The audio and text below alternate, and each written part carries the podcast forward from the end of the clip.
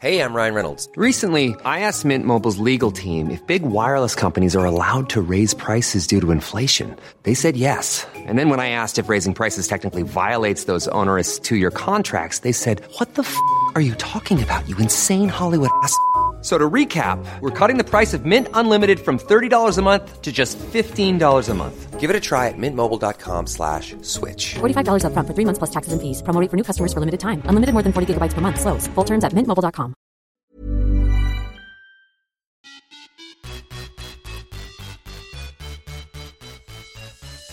Hej och välkomna till Viss och Svärm on the run. Jag heter Josefin Svärm och mitt emot mig sitter Sara Viss. Hej! Hej! Gud vad kul att sitta här idag. Vi har den första juni idag när vi spelar in det här och du har precis, precis just nu sprungit Stockholm Marathon. Ja, Hur mår du? just nu fick jag väldigt ont i huvudet. Jag antar att här, alla känslor och spänningar bara släpper nu. Ja. Eh, jag är väldigt trött, jag har ont i min kropp. Alltså jag, är liksom, jag har typ kramp i baksida lår och, och vader. Ja. Eh, Jag får tuta hela tiden. Josefin har eh, alltså, hon har kommit i mål, hon har hunnit duscha, hon har fått tag i en smoothie Mm. och eh, så sitter vi redan i poddstudion för sen ska du åka tillbaka till Motala men vi tänkte att det är jätteroligt att få en lopprapport så här färsk. Ja. Jag tror inte ens att det har eh, eh, någonsin spelats in en mer färsk podd efter ett maraton. Eller hur? Så Stockholm Marathon har alltså gått av stapeln idag och det har varit 16 000 löpare som har sprungit här på Stockholms gator från 94 olika länder. Jag vet inte exakt hur många av dem som var tjejer, jag försökte leta upp statistik men det har inte kommit ännu hur många som tjejer som sprang. Men av alla kvinnor åtminstone så på en 75 plats med nytt personrekord med 8 minuter och tiden 3 18.36. Där hittar vi Josefin Svärm. ja, det är så sjukt. Alltså jag är så glad. Alltså, Och, alltså vilket stort personrekord. Ja, det är verkligen det. Jag är chockad på riktigt över att det gick så pass bra. Personbästa visste att jag hade i mig, men inte att det skulle gå under 3.20. Nej. Alltså jag jag är så nyfiken. Jag har typ på vägen hit, vi tog sällskap på vägen hit till poddstudion och jag typ ville preppa, alltså fråga dig så mycket frågor men jag tänkte att jag ska spara mig så att jag får svaren här med inspelningen så att alla ni också får ta del av den här glädjen och energin som, den energin som finns kvar kanske jag ska säga. När jag kommer berätta om det här så kommer jag återuppleva säkert den känslan igen som jag hade. Så att ni kommer få höra den. Ja. Garanterat. Men du sist vi pratade, då, då eh, satt du och funderade på om du skulle gå för upplevelse eller om du skulle gå på personrekord. Ja. Och jag var lite pushade dig och sa så här, men jag tycker att du, du är i bra form, spring. Men det var ändå så här som att du var lite osäker på hur du skulle göra. Så berätta, vad, vad hände därifrån till dagens resultat? Alltså Börja med, därifrån, jag gick nog in med inställningen idag att eh, nej, jag ska gå på pers. Ja, Jag du, gör, du bestämde jag dig gör det. Ja. i morse. Ja, eller vid startlinjen nästan. Det Mm. var det- då jag så insåg att ja, jag kände mig så laddad och så peppad. Och jag kände mig så förberedd. Ja. Att jag bara hade en bra dag kände jag i kroppen. Det brukar man känna rätt så snabbt tycker jag. Aha. På uppvärmning, hur det känns och så. Eh, så jag bara nej, jag ska stå 3.26. Ja. Det ska var det du hade i Paris i år ska vi säga. Ja. Så det är ändå ett färskt personrekord som du hade framför dig att, att eh, försöka slå. Ja, det Mm. är det. Hur var uppladdningen? Sov du gott i natt? Jag sov jättebra. Ja. Verkligen. Och sen uppladdningen. Jag kör ju samma rutiner nästan varenda, inför varje lopp. Ja, och du sa förut att du skulle äta gröt till Ja, frukost. det sa jag. Och jag blev lite stressad när jag såg på din Insta-story att det var typ yoghurt och två mackor. Jag Då blev jag bara, nej men nej, hon skulle äta gröt. Det fanns ingen gröt på frukostbuffén på hotellet. men gud, känns på dem. Så jag bara, nej. När jag kom ner idag bara, det finns ingen gröt. Och jag som alltid äter dina lopp tänkte jag. Ja. Eh, men då så tänkte jag, men då ska jag ta någonting som är snällt mot magen så jag inte riskerar någonting. Så då, då valde jag yoghurt med lite müsli och sen två rostade ljusa smörgåsar faktiskt. Med ost och, och eh, gurka på. Ja. Och just det- också, det för att det är faktiskt bra att undvika kanske lite fibrer Ja. och för mycket fett inför ett, ett lopp eller prestation överlag. Ja, så så gjorde jag. Och sen så laddade jag också som jag alltid gör med lite Resorb, alltså vätskeersättning inför lopp. Och sen så tog jag också som vanligt en Dimor-tablett en och en halv timme före loppet så att magen skulle hålla sig lugn. Och det gjorde den verkligen hela vägen. Eh, och sen på hotellrummet innan jag skulle gå iväg precis så provade jag vilka outfits jag skulle välja mellan. Så, här, så förberedd var jag. Det var lite regn i luften. Ja. Och vad var, vad var temperaturen idag? Eh, det var runt 15 grader kanske. Det var ganska varmt när jag gick till starten kände jag direkt. Ja. Eh, så jag valde rätt kläder. Jag valde linne och korta sådana cykelbyxor. Ja. Eh, och det var ju verkligen rätt val. Mm. Eh, så så förberedde jag mig. Gick, gick till loppet skapligt tidigt. Jag hade en timme på mig till start när jag kom dit. Lagom tid också. Mm. Så jag behövde inte Känna vänta för länge heller. Utan det var så här lagom tid att komma dit. Ja. Lämna av alla grejer. Gå iväg till startlinjen.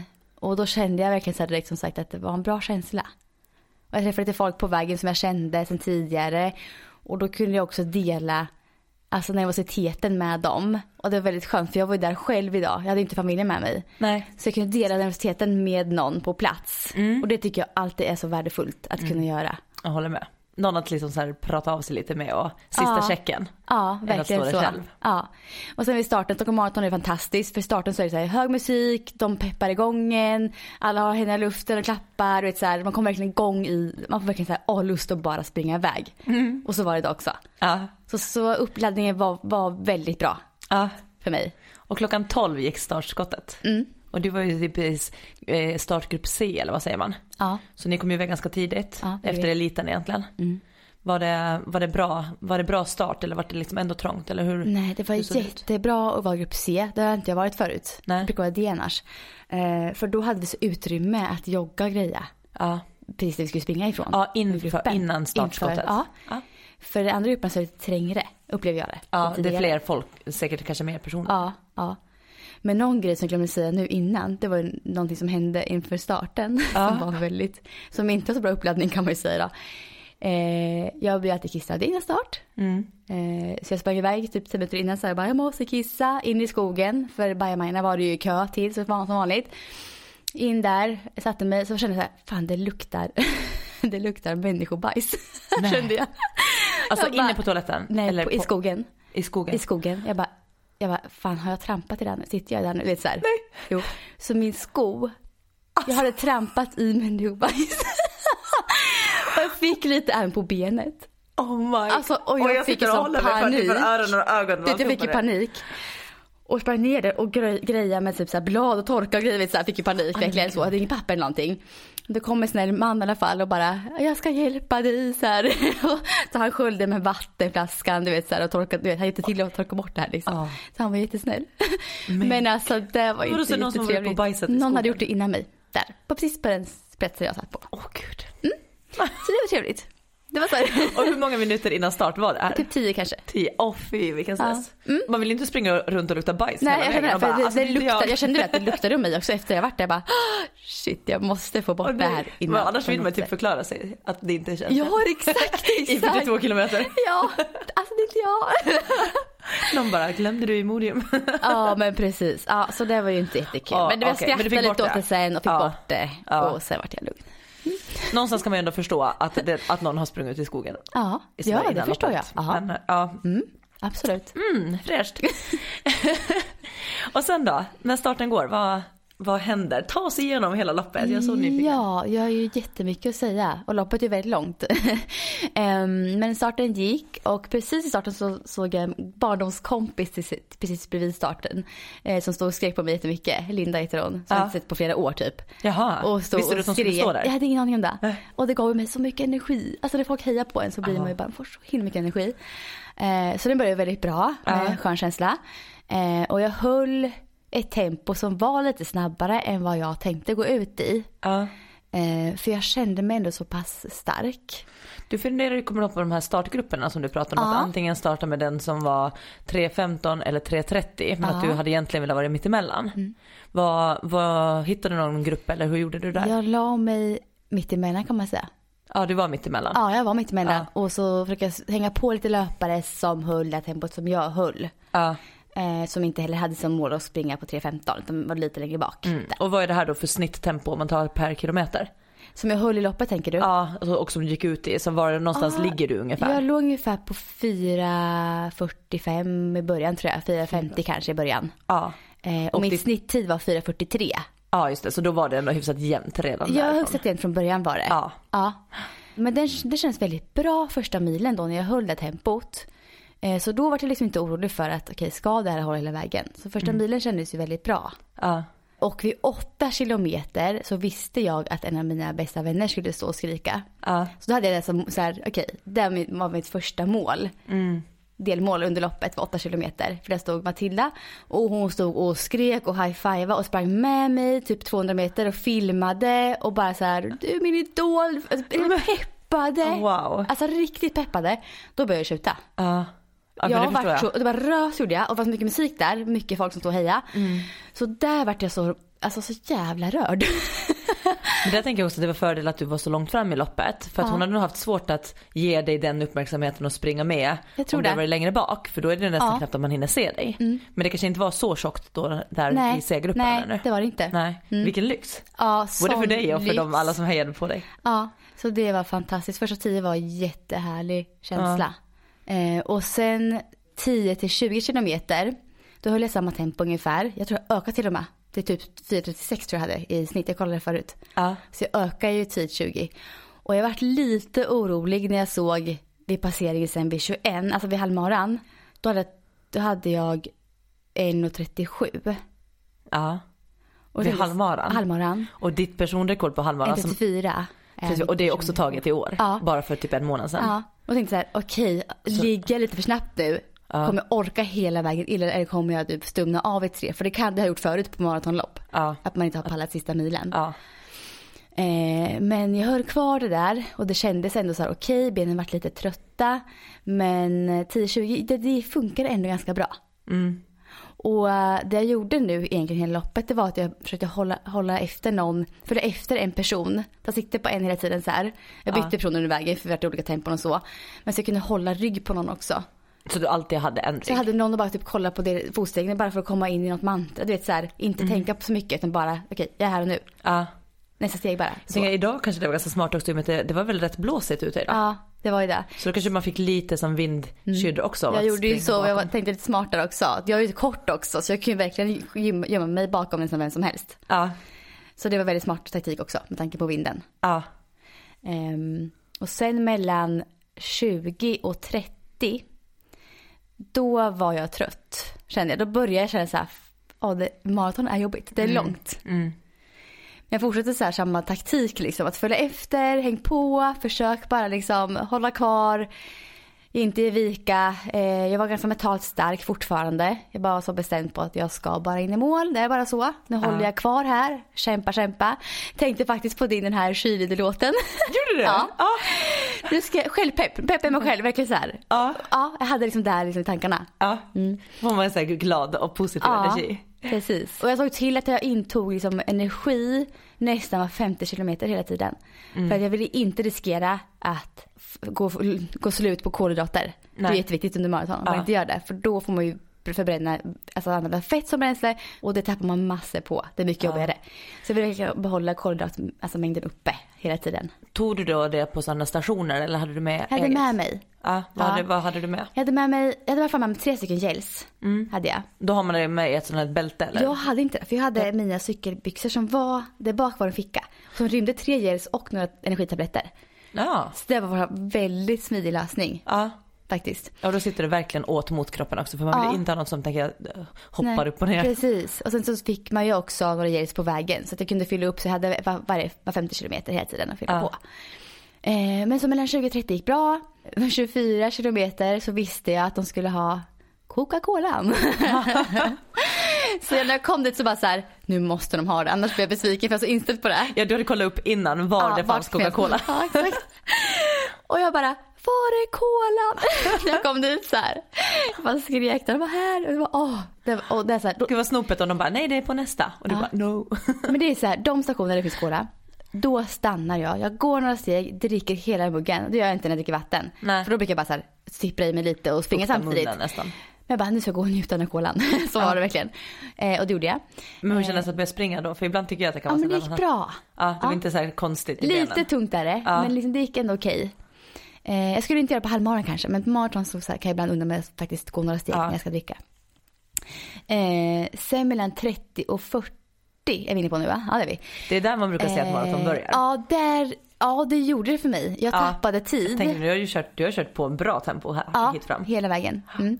Men jag tappade lite tid, när jag kollade på min eh, pace där, så tappade jag mellan 30 och 40 eh, en del. Och det var för att jag var väldigt trött. Och Mm. där blev jag lite rädd på riktigt att jag kommer kanske kunna stumna av. Alltså liksom möta väggen typ. Möta väggen, exakt. Och då är det liksom, då kan man ju inte springa nästan. Ja. Då får man liksom kämpa sig springa, gå, springa, gå. Hur gick tankarna då? När du började känna så här, Eh. oh kanske att det händer, eller var, var det någon Jag- oro över det eller Ja, jag stress tog lite eller? extra energi där. Ja. Gjorde jag. När jag började känna så här, kan du ta mer energi? Eh, tar även sportdryck nästa station så jag verkligen så här, får i mig mycket energi där. Ja. Och det, jag vet inte om det hjälpte men det funkar i alla fall. Ja. jag hamnade ju aldrig, jag gick aldrig Det blev inte värre, liksom? Nej, det blev inte Nej. värre.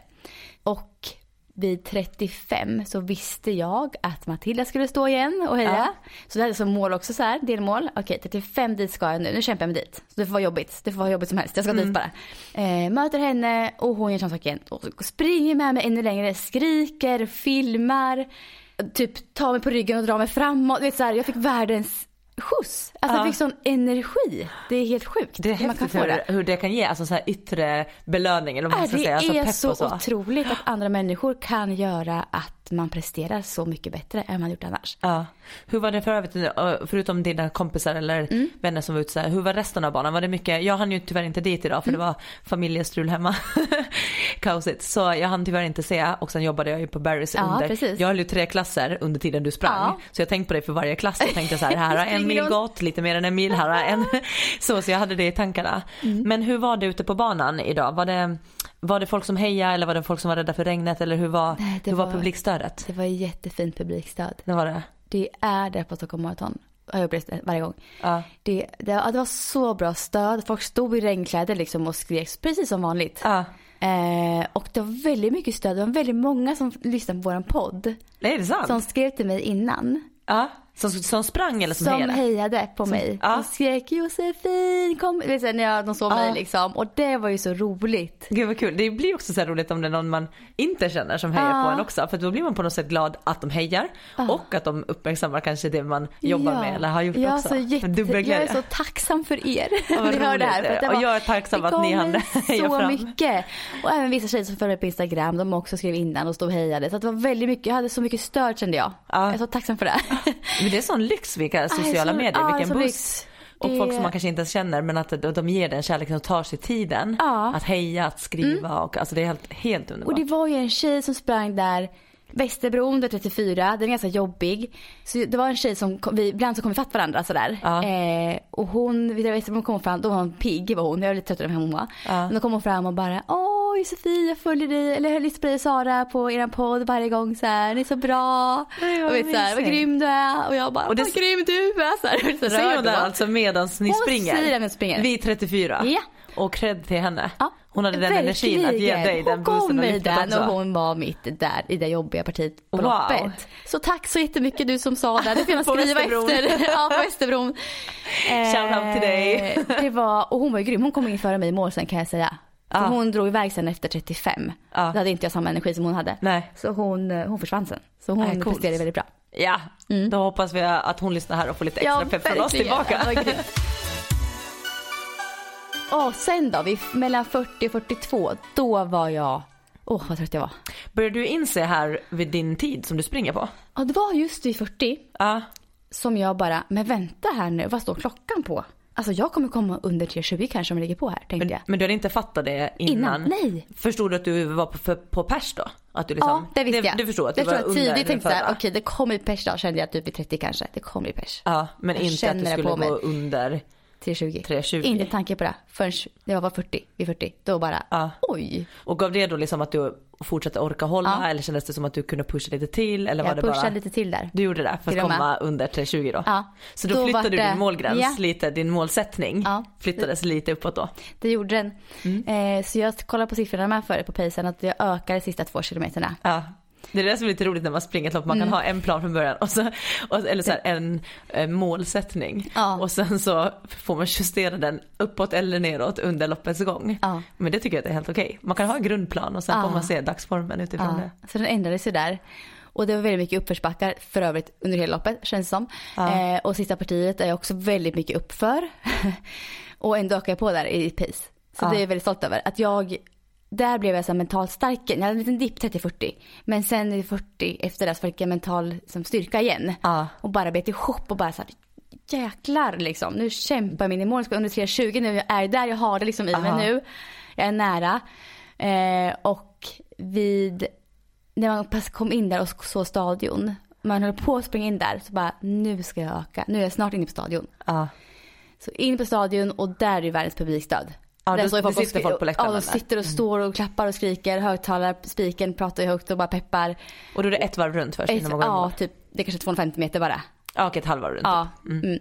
Eh, och eh, då fick jag ju sån jäkla energi igen. Ja. Då bet jag ihop och bara passerade typ alla som var där. Jag var så här, alltså verkligen spurtade in i mål. Ja. Rejält. Och upp med henne i luften och bara den känslan när jag kom in där i mål. Alltså det var, jag har aldrig upplevt den starka känslan. Men har du pushat dig sådär hårt någon gång förut? Det är, inte, det är det som är grejen, jag har inte gjort det. De andra persen har ändå kommit lättare. Ja. I och med att jag tänkte det är ändå åtta minuter personrekord. Du har gjort någonting nu som du inte har gjort tidigare. Ja. Och inte ens varit i närheten egentligen. Nej. Så det var nog där, jag hade tagit ut mig så otroligt mycket. Ja. Och sista biten där verkligen maxat där jag verkligen hade kvar. Ja. Alltså krama ur allting liksom. Så vad händer när du passerar mållinjen och fattar att nu får du stanna? Alltså vad jag händer då? bara la mig ner på marken och jag bara grät. Du gjorde det? Jag grät. Ja. Jag har inte gjort alltså, så Alltså mycket. tårar längs Tårar. Ja. Ja. Jag var så genuint lycklig. Åh gud vad härligt. Jag hade sån, jag hade verkligen inget kvar att ge. Nej. Jag var helt utpumpad och kände så mycket. Ja. Du Jag hade liksom bara- fördelat ja. energin exakt. Jag hade gjort Så det, det var- rätt det var liksom. slut när det var- Ja, det, det klaffade ju liksom till slut hela vägen. Och det regnade och det var speciellt också att det regnade på något vis. Att det blev så starkt. Det blev ännu starkare att det gjorde det. Man känns mer, mer som en fighter när det var regn liksom Lite luften. mer hardcore när man har Lite mer så. Och bara, aj, jag bara grät. Och jag grät när jag, jag ringde min sambo. Och jag bröt ihop då när han, svar- han svarade. Ja. Jag bara, alltså jag verkligen bara, är jag älskling? verkligen olika. Typ. Jag, jag är så jävla glad, jag är så lycklig. Så här. Ja. Och jag verkligen bröt ihop. Och jag har typ gått och gråtit typ hela vägen till Barry's förut. Jag duschade ju där sen hos dig. Ja. Och bara gått och folk har ringt och jag bara brutit ihop. Om och om igen. Ja. Oh, gud, du, var, du är också nu, jag blir också lite tårögd nu för det är, så, det är det här som är så häftigt med idrott och prestationer, liksom att, att få ta ut sig så till den där maxgränsen. För att alltså det är ju adrenalin, det är ju så mycket känslor när man, Det när är- man inte kan göra mer än vad man har gjort. Det är det, att liksom testa kroppen. Jag har varit lite rädd för det förut, men alltså försöka alltså verkligen testa kroppen till max. Det är, om man lyckas göra det, det är så jäkla härlig känsla. För Man känner sig så, här, så himla stark och stolt och bra. Ja. ja men jag tänker att det måste vara svårt och, och läskigt på ett maraton för att det är ju den här liksom att går man i väggen så då kan man ju ha liksom en 10 kilometer kvar Ja. och det, Ja. det är tufft men man behöver ju nästan också våga pusha på för att om man, om man är ute efter prestation och ute efter att slå sina Ja men rekord. exakt, då måste man pusha Exakt, lite för det- extra. Tänker jag, det slipper jag på 100 meter, jag går ju alltid 100. Ja. Jag, kommer, alltså jag, jag, jag sparar ju aldrig på någonting Nej, så jag har ingen taktik. Jag behöver ingen taktik utan jag får bara bränna på och trycka på. Men jag förstår att det måste vara en ganska stor rädsla att springa pers på maraton för att du är på gränsen till att det blir väldigt plågsamt. Ja, Eller så blir det liksom lycka. exakt. Och Så det- den balansen måste ju vara otroligt svår kan jag tänka mig. Ja, och, och man känner då att det faktiskt lyckades. Ja. Då är känslan väldigt god. Ja, gud vad häftigt. Ja. Jag tänkte på det lite när vi pratade innan så märkte man, eller jag funderade om du var liksom så lite nervös och lite prestationsångest kring det Mm. hela. Men det var så här, för jag vet ju att du var i bra form, men också när det blev så här, men jag kanske ska springa som upplevelse istället. Jag kanske ska välja 3.30 gruppen. Var det så här i efterhand, var det egentligen en nervositetsgrej, att du var rädd att försöka? Eller var det att du ville ha en upplevelse? Jag tror att det var, jag var nog nervös. Mm. Jag var nog lite rädd för att misslyckas, Ja. tror jag. Mm. Och det var, jag, jag träffade några tjejer innan loppet så här, och alla kände samma sak. Mm. Vi sa det, så här, alltså jag, jag, bara, jag sa det också, jag är så himla nervös. Och det var för att jag var väldigt taggad. Ja. Och, tror jag, och visste att jag kunde prestera bra. Mm. Och då blev jag så himla nervös innan. Ja. Och de kände likadant. Ja. Att Man vill säga så att oh, jag ska gå för PB, men så vågar man inte där riktigt. Nej. För tänk om man misslyckas. Mm. Då blir det ett större misslyckande för att man har sagt det högt. Ja exakt. Fast för en själv är det egentligen detsamma. Så det var kanske därför jag inte sa det på podden sist också. Att Jag vågar inte riktigt säga så här, ja jag ska gå på. Mm. Nej. För att tänk om jag inte hade lyckats. Mm. Det är ändå så lustigt för jag tänker att man har ju hört många så här framgångskoncept och sånt att man ska våga säga sina mål Ja. högt. Eh, så att man vet ju att så här, att våga sätta skriva ner dem på ett papper eller säga dem högt, berätta dem till någon annan eller någonting. Det hjälper en att nå dem. Men det är ju också läskigt för att det är ju där, när man har sagt någonting högt, då har man ju för sig själv främst tror jag satt upp några förväntningar. Och så tror man att andra också har de förväntningarna. Fast så tror jag inte att det är. Ja men så är det nog, absolut det tror jag också. Ja. Ja. Så det där är ju en liten rolig balans. Att så här, när Ja. vågar man sätta, säga det högt? Mm. Och eh, när måste man hålla det för sig själv? Verkligen. Men eh, ja, jag kände på mig faktiskt att du skulle gå för det här. Vill du det? Ja, jag gjorde det. Jag Alla sa innan till ja. mig såhär, men Jossan går på pers, herregud. Ja, och jag var, in, jag var inte, eh, alltså jag tvekade inte en sekund att du skulle slå pers. Men när du kom och sa idag när jag mötte upp dig att du sprang på 3.18. Ja. Då måste jag ändå säga att jag blev alltså så sjukt chockad och imponerad att, att du kapade så mycket Ja, på din tid. I och med att Ja. jag tänkte att du kanske ändå skulle ta det lite försiktigt och sen trycka upp ett pers Mm. på slutet. Men jag fattar ju direkt att med den här tiden då har du gått undan från, från starten. Ja, det gjorde ju det. Och det kändes ju så jäkla bra. Det. Och då vill jag liksom inte så här, men ska jag sakta in nu när det känns, jag har ett bra så tempo i kroppen. Och det, ibland kan det vara svårare att springa liksom, långsammare också då, när man har ett bra flow. Ja. För då kan det förstöra flowet. Ja. Så jag vågade inte, liksom inte backa och... Byta rytm, liksom. Jag, var- nej, precis. Jag hade en rytm som funkar väldigt bra. Så jag ville inte liksom chansa på att förstöra den. Nej. Men så gick det hela vägen. Ja, men stort, stort, stort grattis. Tack så jättemycket. Jag är så jäkla stolt över Ja. mig själv. Och nu tänker jag, nu ska du bara få njuta av det här Ja. innan vi ens börjar prata om dina framtida mål och lopp eller någonting. Ja. Utan nu får du vara så här, nu har du sprungit Stockholm Marathon idag, du har sprungit personrekord och eh, jag tycker du bara ska bara få njuta och vila i det. Ja, det ska jag. Jag ska göra det verkligen. Grattis! Tack. Igår kväll, jag satt och, jag brukar ha en liten sån här 15 minuters stretch, försöka hinna, hinna ha det och då brukar jag kanske ha på tvn eller sådär samtidigt på kvällen och igår kväll så då var det faktiskt ett reportage om eh, inför Stockholm Marathon men då hade de faktiskt träffat den äldsta löparen för i år, han som skulle springa i år. Hur gammal var han? Han var 91. 91 Ja, år. alltså, och han var så gullig. Så det är alltså jag helt bara satt och kollade så här och jag bara, man vill ha han som en morfar liksom.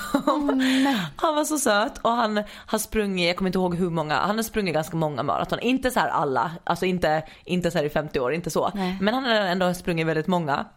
Och jag tyckte det var så roligt och så här, sympatiskt för han bara, ja nu, nu för tiden så hinner jag ju inte riktigt i mål på den här sex, sex timmars tidsgränsen. Nej, för det är ju sex timmars Ja tidsgräns exakt, som de drar ju liksom ett band eller vad man ska säga. Man måste hinna med ett, ett tempo så att man, som man beräknas gå in på sex timmar för att eh, få fortsätta. Så han bara, nej men förra året så då hann jag till 34 innan jag fick stanna. Så han hade typ så här som mål bara så här, springa Stockholm Marathon och springa så långt han hann på de här sex Ja, men timmarna. alltså, så härligt. Han ger sig inte fast han är Nej. 91 år. Nej och han var så här, han var liksom inte ens, jag skulle ha gissat på att han var 80. Alltså hur han såg Han ut såg i mycket piggare ut. Och framförallt hans blick, alltså du vet han hade så lite, lite lurig blick och skrattade och så var det, så filmade de ju när han var ute och jogga. Så han var där och ute och jogga och så tyckte han att, eh, att eh, de här som var typ 80 plus skulle få starta en timme innan. Innan starten. Han bara, vi är inte så många i den klassen. Så då tyckte han att man skulle kunna starta en timme innan start för att få sju timmar på sig. Ja, och då var det så här, ja, men då, roligt. Ja och då, då tyckte de så här, men då blir det lite svårt när eliten kommer där om gubbarna är i vägen. Och han bara, nej men då kan man hoppa upp i en trappuppgång. så man inte är i vägen Så för de himla snabba. kul. Det skulle bli kaos om eliten skulle komma bakom där. De skulle bli stressade. Vad gulligt. Ja, men, så, men ändå Ja, men så häftigt. Alltså tänk, om man, tänk att alltså, ens leva när man är 91 och om Ja. man gör det, då bara springa Ja. maraton varje år. Det är så himla häftigt. Och ta det ah. sådär med en klackspark. Det är inte så här, ingen Nej. prestation utan jag kommer så långt jag kommer. Men det är så många som springer i alltså, hög ålder. Ja. Det är så jäkla häftigt. Och det- De är ju liksom mina idoler. Ja. Dit vill jag hamna när jag är gammal. Ja men alltså, och många löpare blir ju bättre och bättre med åldern också. Det är ju Ja. i, i distanslöpning så är det ju ingen, det är ju ingen som är 20 som vinner Nej. de största Man mästerskapen. kan hålla utan- på ganska länge i distanslöpning. Ja, och man kan bli rätt duktig Ja. högre upp i åldern. Och jag tycker att man ofta ser liksom äldre kvinnor och äldre män Mm. som faktiskt springer på riktigt bra. Och då ska vi ändå säga att de är men, 65 plus. Ja, Och det är liksom ändå, det finns det ganska många av. ja gör det. Så det är häftigt. Ja, på Salm där träffade vi Evi Palm Ja, vi fick ju träffa igår. henne på, ja, dagen innan Stockholm Mm. Marathon. Så var vi där i Expon i, där alla hämtar ut sina nummerlappar. Där var du och jag. Jag var Och där en- och, ja, en liten livepodd. Ja. Och då hade vi en Evi Palm som gäst. Yes. Och hon började ju springa när hon var 34 år. Det är så gammal som jag är nu. Ja. Hon började springa 34 och hon vann Stockholm Marathon när hon var 44. 44. Första gången? Ja. Och det är väl liksom så här, det var första gången jag träffade Evi. Men, Ah. jag kände igen henne främst från Mästarnas Mästare. Ja, hon Där var med där varit med. 2011 tror jag det Ja. var. Hon, var. Mm. Hon vann typ den här nu när man ska hänga, alltså bara hålla i sig ett grepp som är en kinstång. Och då måste hon varit ganska gammal redan där tycker ja. jag. Idag är hon 77. Ja. Och nu springer hon ju inte maraton längre. Nej. Det gör hon. Hon har Nej. tyvärr fått eh, skadebekymmer. Mm. Men hon var ju hur mysig som helst och att få höra henne prata om sin, sin eh, bakgrund Mm. och hur, hur hon liksom bara från att följa med, hon följde ju med upp för att heja på sin man Ja, på på. Stockholm Marathon Ja. som var precis. Och, eh, och där då bara så här, nej men nästa år ska jag springa. Mm. Och så springer hon på så här otrolig tid redan då. Hon sprang typ på 3.07 första gången hon sprang maraton. Ja. Mm. Och det var liksom så här, typ efter ett års ordentlig hård träning, eller vad man ska säga. Men eller inte, sen förbättrade hon ju det till 2.48 väldigt snabbt och sen hade hon 2, var 34 på Stockholm Marathon hon vann första gången tror jag. Något sånt. Något sånt. Ja, 2.34 vann Ja. hon på, då var hon 44 år. Exakt. Och sen från det så blev hon ju faktiskt bättre. Alltså från Jaha. 44 upp till vad det 49-50 så blev hon faktiskt bättre för varje år och hon representerar ju ändå Sverige i Finnkampen, i VM, i ett OS. I ett OS i Sydkorea. Ja. ja. Och då var ju hon liksom så här, alltså Hon var ju väldigt mycket äldre än konkurrenterna. Ja. Och det uppmärksammades ju väldigt mycket också att hon Ja. var det. Precis, hon fick ju uppmärksamhet under, över hela världen och det berättade de ju också äh, igår att äh, det var ju ett äh, som hon hade kvalat in, var det till OS eller om det var till VM det, eller någonting. ja. Hon hade till och med springit, det var ett kvallopp där det var någon svensk tjej som skulle försöka kvala. Precis. Som gick in i väggen ungefär, eller inte, men hon tappade mycket på slutet, sista tio och då kommer ju Evi Mm. och springer om den här tjejen. Och klarar kvaltiden som den här andra tjejen var ute efter. Så hon klarade den kvaltiden till den här, nu kommer jag inte ihåg om det var OS eller VM. Men då fick ju inte hon åka för att Nej, hon för ansågs vara för gammal. det. Jag tänkte så här, det hade ju nästan inte hänt idag tänker jag. Nej, Spontant. eller jag vet Eller inte. skulle det? Jag, jag vet inte, jag hoppas inte. Det låter helt otroligt. Skulle åldern spela någon roll där? Ja nej men alltså för hon hade ju världstid liksom. Ja. Så att eh, nej, så hon fick ju vara med om ett och annat. Ja. Men där var det också så häftigt tycker jag att, att eh, vi frågade ju henne då liksom hur det var med att ha barn och så Mm. under karriären och hon sa ju att det hade passat henne extremt bra att satsa så sent. För Precis. hennes barn var ju typ så här 11-14 Då år. kunde hon verkligen gå in för det Ja. ostört lite mera. Ja men hon var precis. äldre. De var ju några hästtjejer och så hängde jättemycket i stallet så att Mm. hon hade ju inget dåligt samvete att vara ute och nöta intervaller eller springa, springa medans Jag kan de förstå det grej. där, för man har ju själv stressat ganska mycket med träningen och fått Ja. ihop det med barnen och så. Det är inte Och så alltid lätt. lite så här dåligt samvete om man är iväg mycket Precis. Mm. och, och så. Jag kan också liksom säga, jag vet att de tycker att det är roligt att vara med och heja på mina tävlingar men ibland kan jag känna mig lite så här ego att mina Mm. tävlingar och mitt intresse ska liksom ta den tiden. Mm. Även om jag vet ju att de tycker att det är jätteroligt. Men du jag förstår har- kanske känslan jag förstår att jag känner att det precis vad du kretsar menar. kring Jag mig. känner likadant. Jag har dåligt samvete när jag åker iväg och tävlar hela tiden och tränar hela tiden. Men nu tränar jag ju för sig väldigt mycket när de sover och sådär. Så Ja. att då är det ju lättare.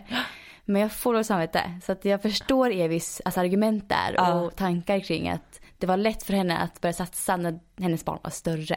Ja, och det tänkte jag också på, för du frågade henne lite om så här om hon, om hon trodde att hon skulle ha varit bättre om hon hade kört när hon var 20. Ja, Och det var ett ganska intressant svar. Mm. Du, kan du berätta vad hon sa? jag tror hon sa att hon inte trodde det. Mm. eh, och hon trodde att hon hade kanske riskerat att få mer överbelastningsskador Mm. om hon började i tidigare ålder än senare, som hon gjorde nu. Exakt. Så att hon hållit sig skadefri på grund av att hon väntade lite i livet. Ja, hon trodde att hennes leder och senor och sånt var lite starkare Ja. när hon var äldre. Och att eh, hon hade en teori eh, som var att, att eh, man har ett visst antal år som elitlöpare.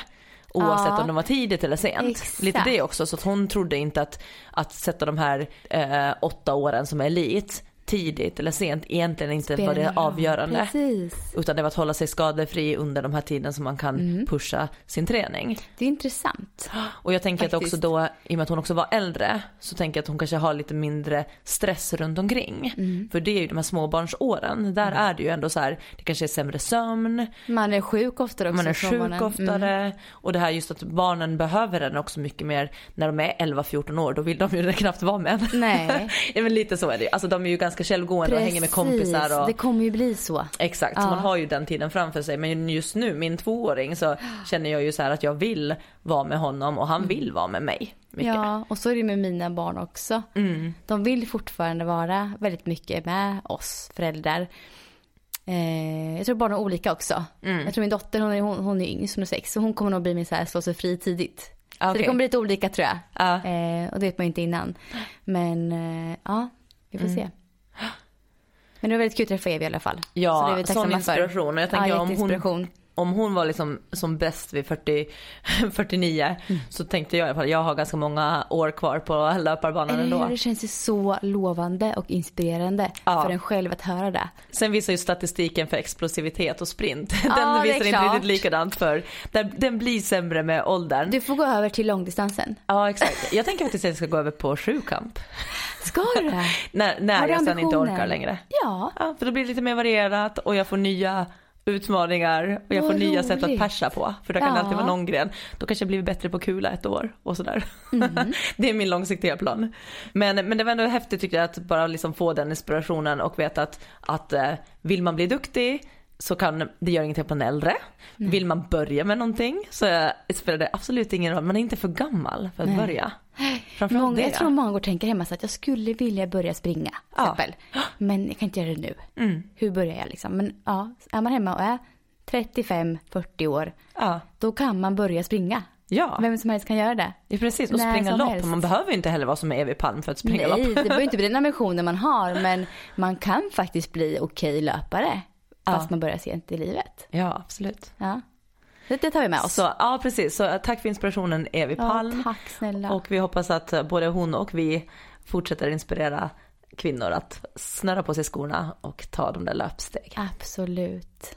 Ska vi börja avrunda här Jag kanske? tycker det. Mm. Ja. Nu ska du få äta mat och sätta Ja. dig på tåget, stretcha. ja, jag kommer ju Du- somna direkt Exakt, på vi har tåget. suttit ner nu i nästan en timme. Så att jag tror att det, det kommer se roligt ut när Jag du kommer se ställer lite upp. rolig ut när jag ställer upp, garanterat. ja, men ha det så fint nu allihopa. Yes, Så- vi hörs nästa vecka. Det gör vi. Ha det bra! Hej då. Hej!